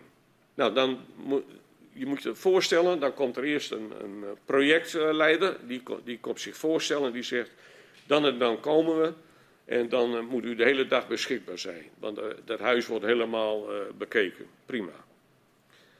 En tot mijn verbazing kwam er bij ons een projectleider met een, een bouwdeskundige. En die projectleider, dat was een oud leerling van mij. Oh, de Munk, ja, ja, ik, ik, ik zeg, heb je goed les van mij gehad? Ja. Ik zeg, dan verwacht ik van jou dat jij ons huis ook heel goed inspecteert.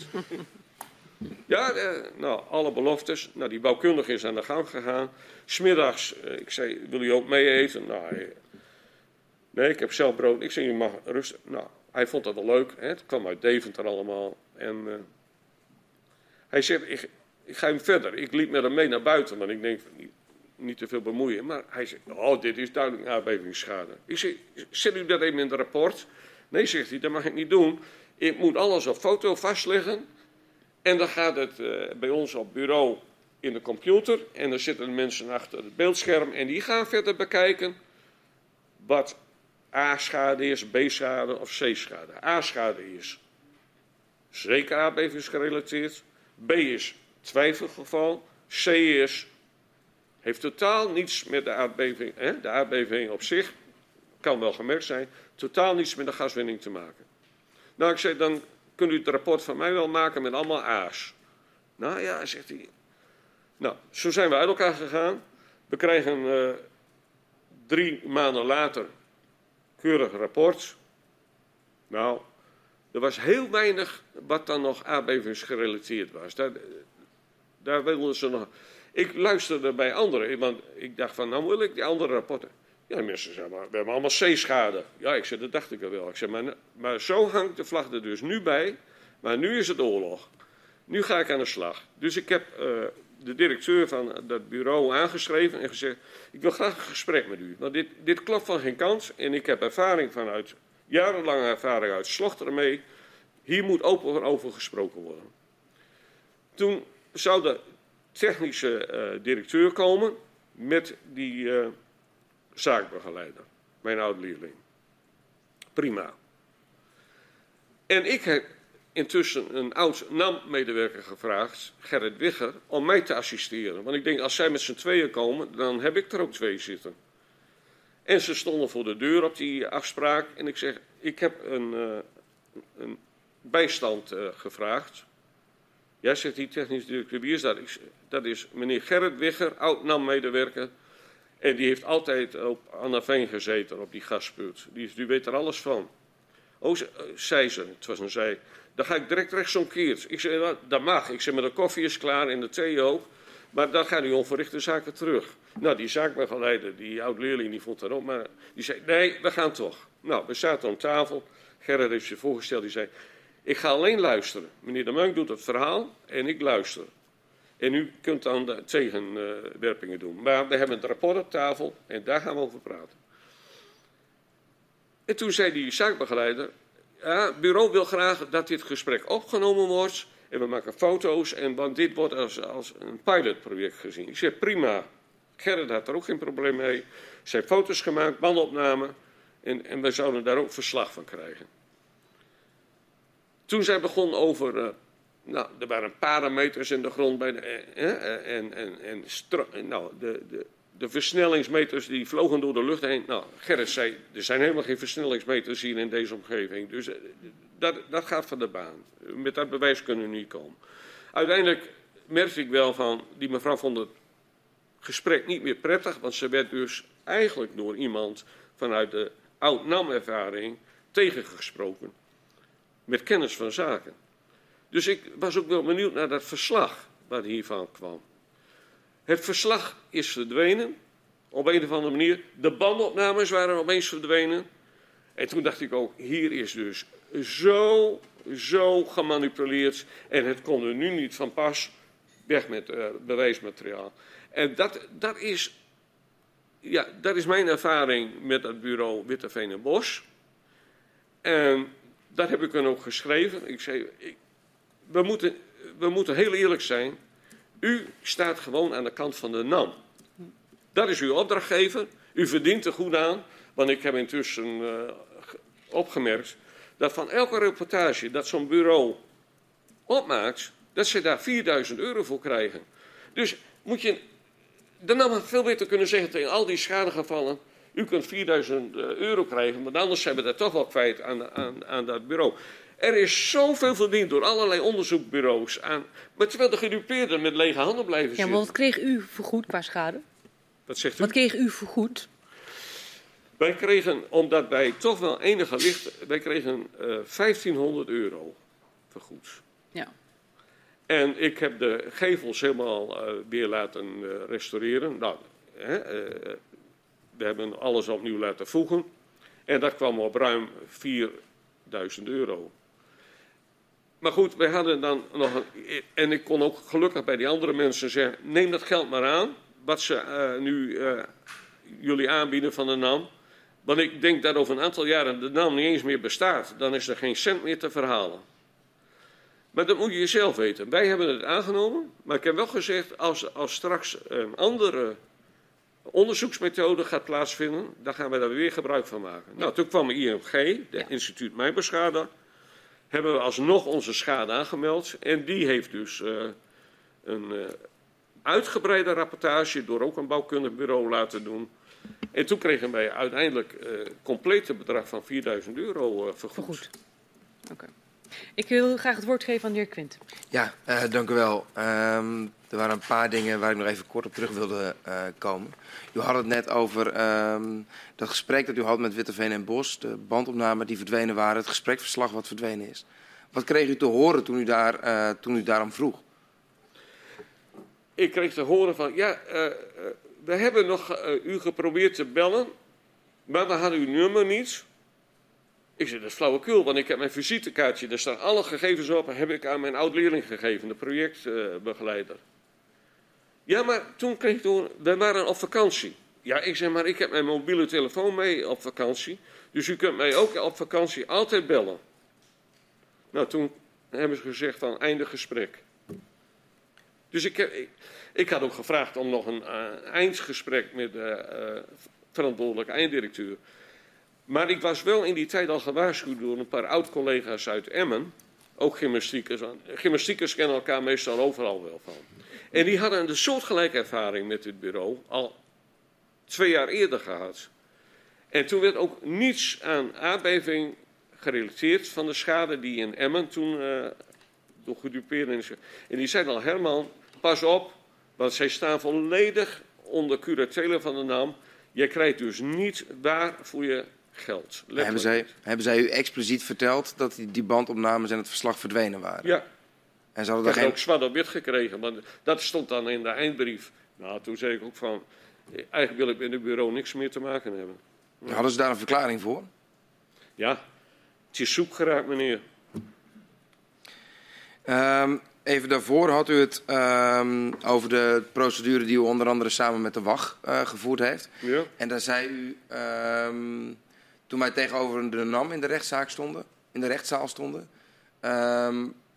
hadden zij ineens de advocaten van Shell mee. Ja. Was dat, uh, was dat gebruikelijk, weet u dat? Ja. Uh, had je altijd Ja. de advocaten van Shell Uh, tegenover je?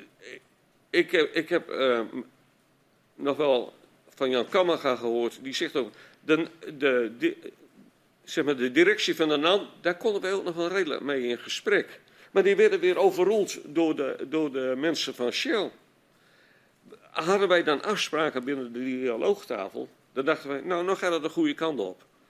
Maar dat was maar even, een week later, in de, daar komen we op terug. En dan hadden wij te maken met wat de Shell vond, wat er moest gebeuren. En ik heb uh, twee rechtszaken gevolgd van gedupeerden. Van uh, Ina Mulder, dat is een, uh, ook een gymnastiekcollega uit Boldendorp. Dat huis was totaal los. En die heeft tot het einde toe geprocedeerd tegen de NAM. En Hilja Schwarzberg, de familie Schwarzberg uit Termunten. Oh, ik heb die zaken gevolgd, want ik denk, nou wil ik ook weten hoe dat werkt uh, bij, bij de rechter.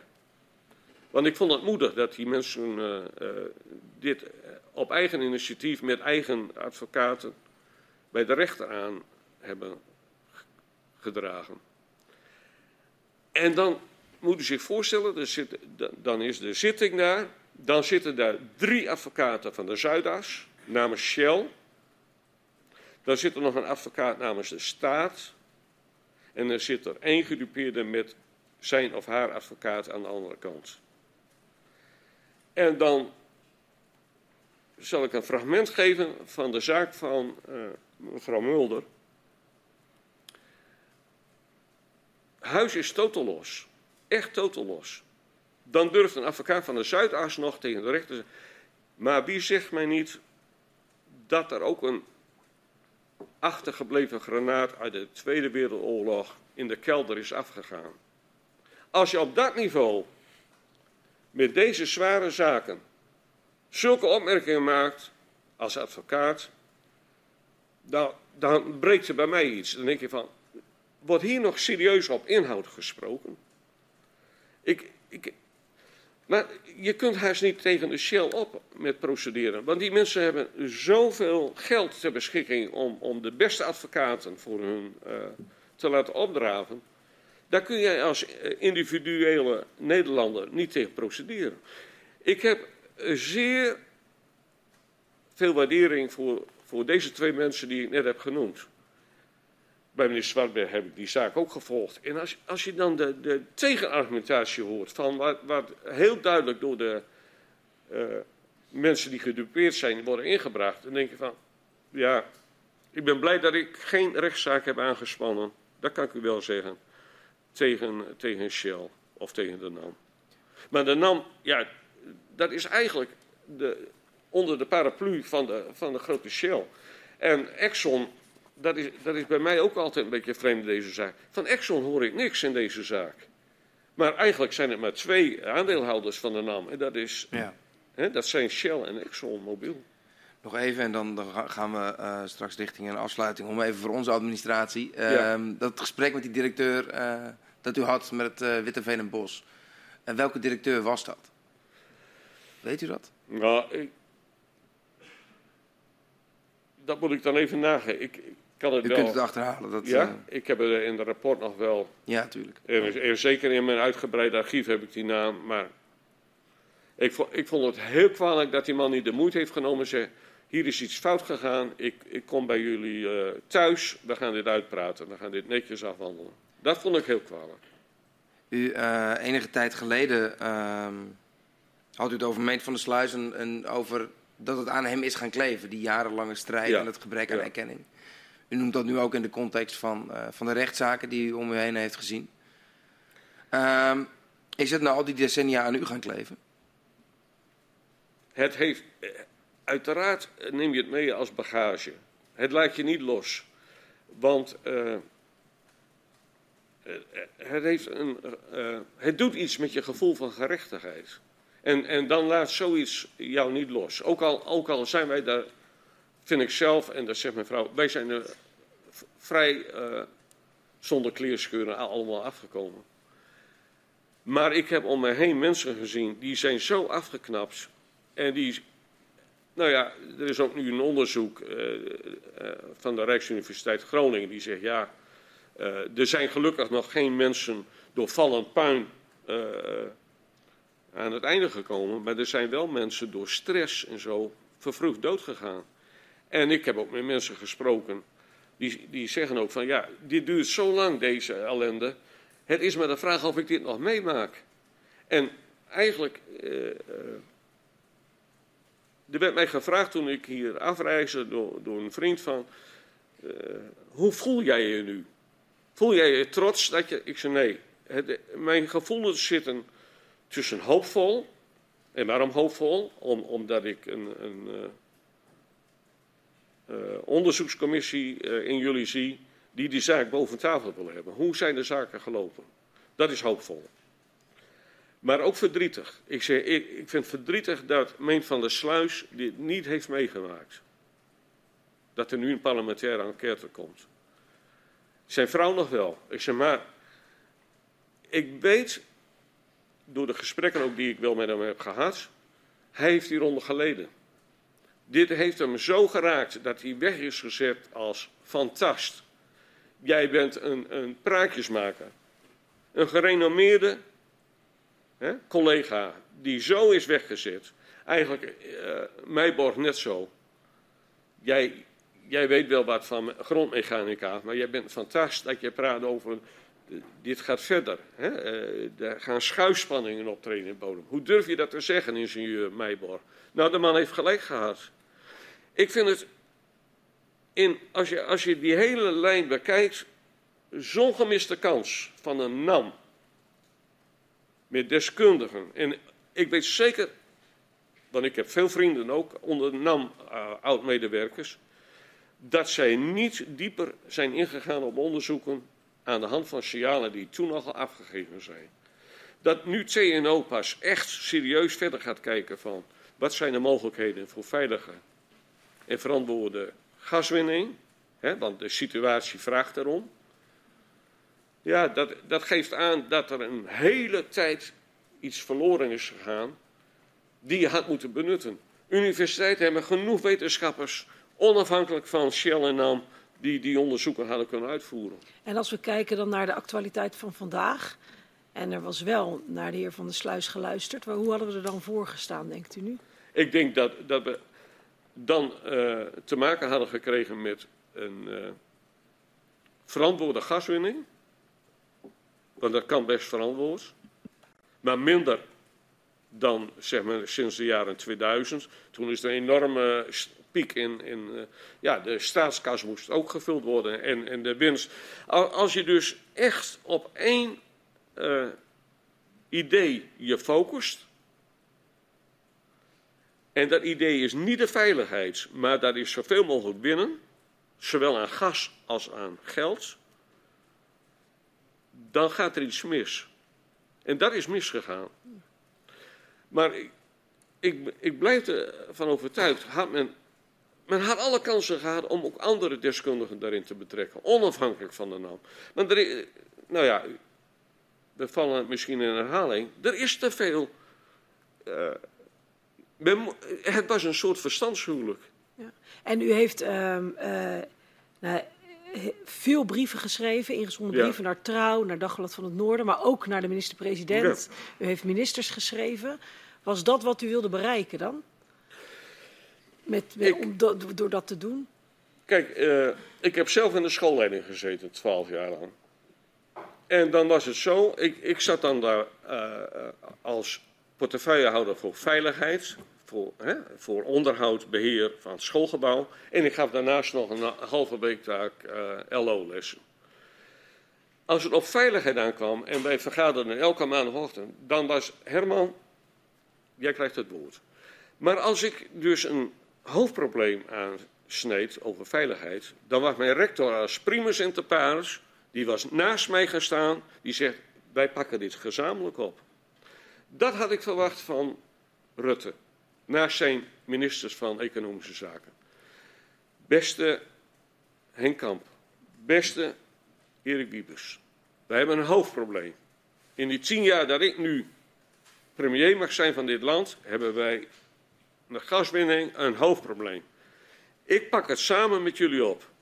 Want dit is zo groot, dit moet netjes en snel, maar vooral netjes worden opgelost. Dat is niet gebeurd. Ik heb in die tien jaar, afgelopen tien jaar, meerdere nette brieven aan premier Rutte geschreven. Eerst aan de verantwoordelijke vakministers, kreeg geen antwoord. Toen dacht ik nou ga ik uiteindelijk toch maar premier Rutte zelf aanschrijven. Want die is eindverantwoordelijk voor zijn kabinetten. Geen reactie. Toen heb ik uiteindelijk gezegd, beste Mark Rutte, ik ga nu naar de, ja, uh, wat moet ik nu nog doen om, om uh, aandacht te krijgen voor het werkelijke probleem? Dan ga ik dus naar, uh, hoe noemen we dat ook? De ombudsman, de nationale ombudsman. En ik schrijf dan een brief. Met dus een aantal afschriften van mijn open brieven aan, aan premier Rutte. Ik zeg, wat moet ik nu nog doen, beste ombudsman, om, om in ieder geval een gehoor te krijgen, een correct antwoord. Een, gewoon een net antwoord, nog niet eens een bedankbrief. Gewoon. En dan, dan is het heel raar, dan krijg ik twee dagen nadat uh, dat mijn zaak in ontvangst is genomen, een brief namens premier Rutte van reactie op uw brieven van. Niet op de inhoud, uh, en niet zeggen antwoord. En dat antwoord was, u moet met uw brieven weer terug naar de minister van Economische Zaken. Ik heb geschreven, ja, beste, maar die, die reageren niet. Bij wie moet ik nu nog aankloppen? En dan denk ik van, nou ben ik niet de allerdomste nog die brieven kan schrijven. Ik schrijf het netjes, wordt niet op gereageerd. En dan, dan ben ik gewoon nu even door de bril van de belasting betalen. Ik zie daar een overheidsapparaat met allemaal communicatieadviseurs en dingen. Die kunnen nog niet fatsoenlijk een brief van een burger beantwoorden. Te gek voor woorden. Dan heb ik nog twee vragen voor u, eigenlijk ja. over deze parlementaire enquêtecommissie. En de eerste is eigenlijk, uh, u zei, ik heb nog wel hoop. Dus wat hoopt u dat deze parlementaire enquêtecommissie oplevert? Gerechtigheid. En zijn er dan ook nog specifieke onderwerpen of vragen waarvan u vindt uh, dat de parlementaire enquêtecommissie die zou moeten beantwoorden? Ik vind de crux is voor mij. Uh, ik ben heel benieuwd naar het gesprek dat uw commissie heeft met Jan de Jong. En Kunt u even vertellen wie dat is? Want ik, ja, dat, Jan de Jong ja. is dus de oud-generaal-inspecteur uh, van staatstoezicht op de mijnen. En die heeft toch heel duidelijk een, voor mij, laatste waarschuwend signaal afgegeven in 2000. 12 2013 drastische vermindering van de gasproductie. Het tegengestelde is gebeurd. Die man moet zich wel ontzettend, uh, in mijn optiek hoor, als het mij zou overkomen, als veiligheidscoördinator op school. En ik geef een dwingend advies af aan mijn schoolleiding. Dit gaan we doen als maatregel om het veilig te houden voor iedereen in de school. En het wordt in de wind geslagen dan weet ik wel dat ik mijn portefeuille ter beschikking had gesteld. Jan de Jong is 2014 met vervroegd pensioen gegaan. Ik kan daar niet anders concluderen van. De man heeft de eer aan zichzelf gehouden. Dank u wel, meneer de Munk. U heeft uh, uitvoerig antwoord gegeven ja. op al onze vragen, ook in begrijpelijk Nederlands. Uh, daarmee is uh, op dit moment ook het einde bereikt van het verhoor met u. En ik verzoek de griffier om u ja, uit de zaal te begeleiden. Goed, en ik wens u heel veel sterkte, want het is geen gemakkelijke opdracht die u heeft. Dank u wel en tot ziens.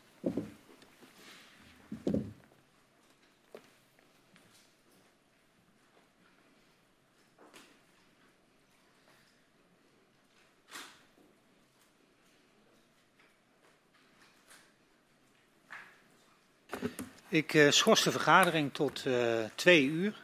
Dan hebben we uh, het volgende verhoor. De vergadering is geschorst.